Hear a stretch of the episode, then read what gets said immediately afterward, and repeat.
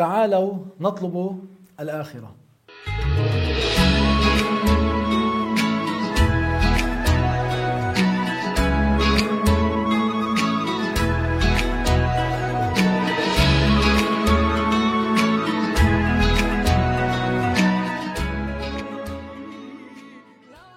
الحمد لله وصلى الله وسلم على رسول الله الذي يحرك الإنسان المسلم لعمل الخير ومنه حسن التعامل بين الناس هو طلب الآخرة.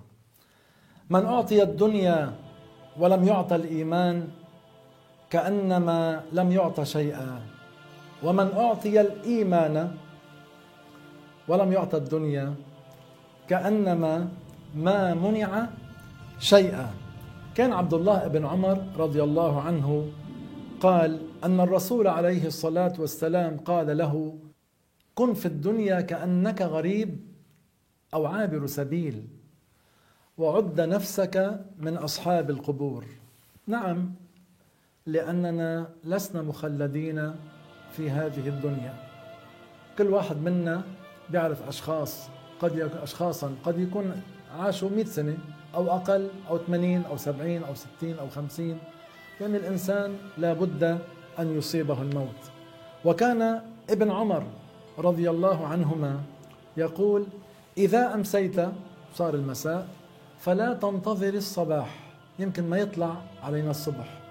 وإذا أصبحت كمان فلا تنتظر المساء وخذ من صحتك لمرضك ومن حياتك لموتك. لما في الغالب عندما يمرض الواحد منا ماذا يتمنى؟ يتمنى الصحة. صحيح. فاغتنم هذه الصحة بطاعة الله عز وجل. اغتنم هذه الصحة بطاعة ربك سبحانه وتعالى. ثم قال مجاهد كمان مجاهد كان من التابعين تلميذ عبد الله بن عباس رضي الله عنه كان يقول اجعل دنياك جنة لدينك. حلو هالقول. اجعل دنياك جنة لدينك ولا تجعل دينك جنة لدنيا لدنياك. طيب ما معناه؟ ها معناه اجعل دنياك حصنا ووقاية لدينك. يعني احفظ دينك بدنياك. احفظ دينك بدنياك يعني بمالك اصرفه بطاعة الله. بتكون عم تحفظ أنت دينك بدنياك بمالك أي اصرف مالك لحفظ دينك. وإياك والعكس. إياك والعكس. معناه لا تؤثر دنياك على دينك بل آثر دينك. الأول هو الدين. آثر دينك على دنياك. ليه؟ دين دينك يدخلك الجنة. ندخل الجنة بسبب الدين. ندخل الجنة بسبب الإيمان بالله ورسوله صلى الله عليه وسلم.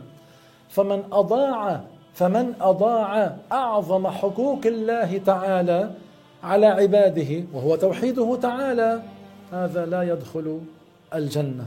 لذلك كان أحد الصحابة رضي الله عنه اسمه اسمه صهيب كان اسمه صهيبا الرومي رضي الله عنه كان من أغنى تجار مكة.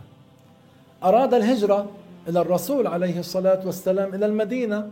المشركون منعوه من الهجرة. قالوا له لا نخليك تهاجر حتى تترك كل مالك في مكة. ماذا فعل صهيب رضي الله عنه؟ ترك كل ماله في مكة وهاجر إلى المدينة المنورة حبا بالله ورسوله. ليه؟ لأنه آثر دينه آثر دينه على دنياه. هيك كانوا أصحاب الرسول عليه الصلاة والسلام يقدمون الآخرة على الدنيا.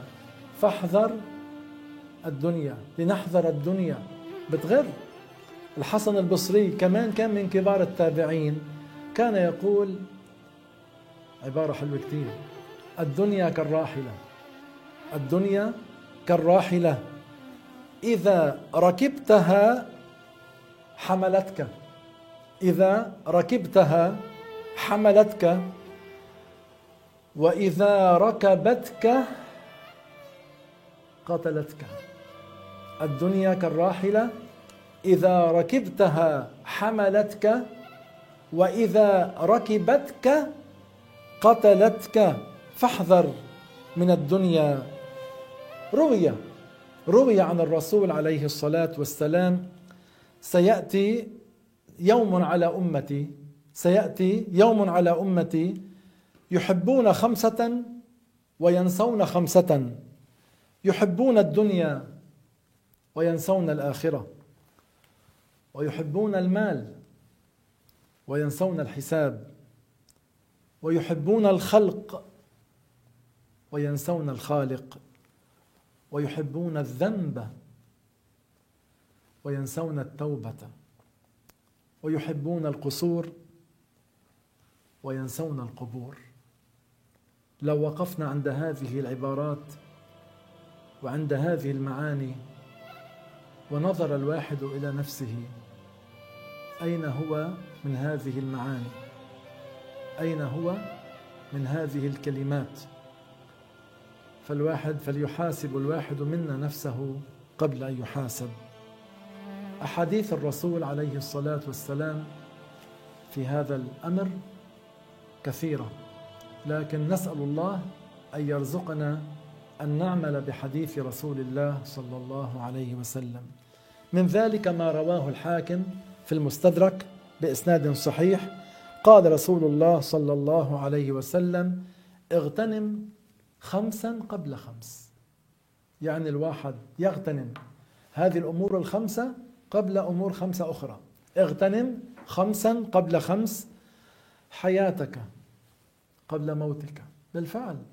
حياتك قبل موتك. نحن الآن في الحياة.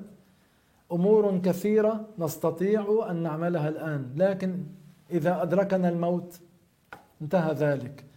حياتك قبل موتك صحتك قبل سقمك.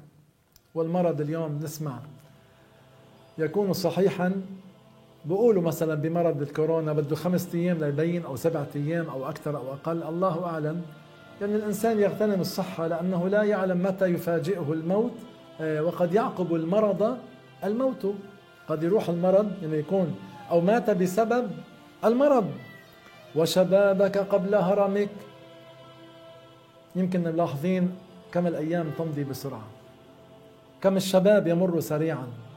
شو قال الشاعر ألا, ليت الشباب يعود يعود يوما؟ ألا ليت الشباب يعود يوما؟ وشبابك قبل هرمك وغناك وغناك قبل فقرك. ما حصل في لبنان مع كثير من الأغنياء هذا فيه عبرة هذا فيه عبرة. أن يغتنم الإنسان الغنى قبل أن يصير في حال الفقر. وفراغك قبل شغلك. الفراغ سيف. إن لم تقطعه قطعك. يعني إن لم تشغله بما يعني بما يفيد شغلك بما لا يفيد. فاغتنم الفراغ بشو بطاعة الله تعالى. يقول بعض الصوفية الوقت شيء عزيز. والله أعز الأشياء. فاشغل أوقاتك بطاعة الله تبارك وتعالى. وقال عليه الصلاة والسلام كم من مستقبل يوما لا يستكمله. لماذا نذكر كل هذه الأشياء؟ الدافع للعمل. كيف أنا بدي أستفيد من هالعمر من هالشباب من هالغنى إذا كان عندك من الغنى؟ حتى يكون لك الزيادة الازدياد في الحسنات في الآخرة.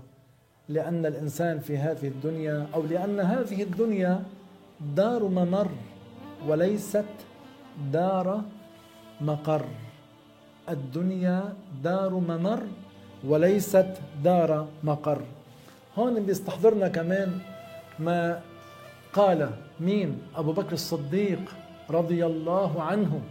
صاحب رسول الله صلى الله عليه وسلم رضي الله عنه اللي كان أشد كان أشد الصحابة حبا لرسول الله.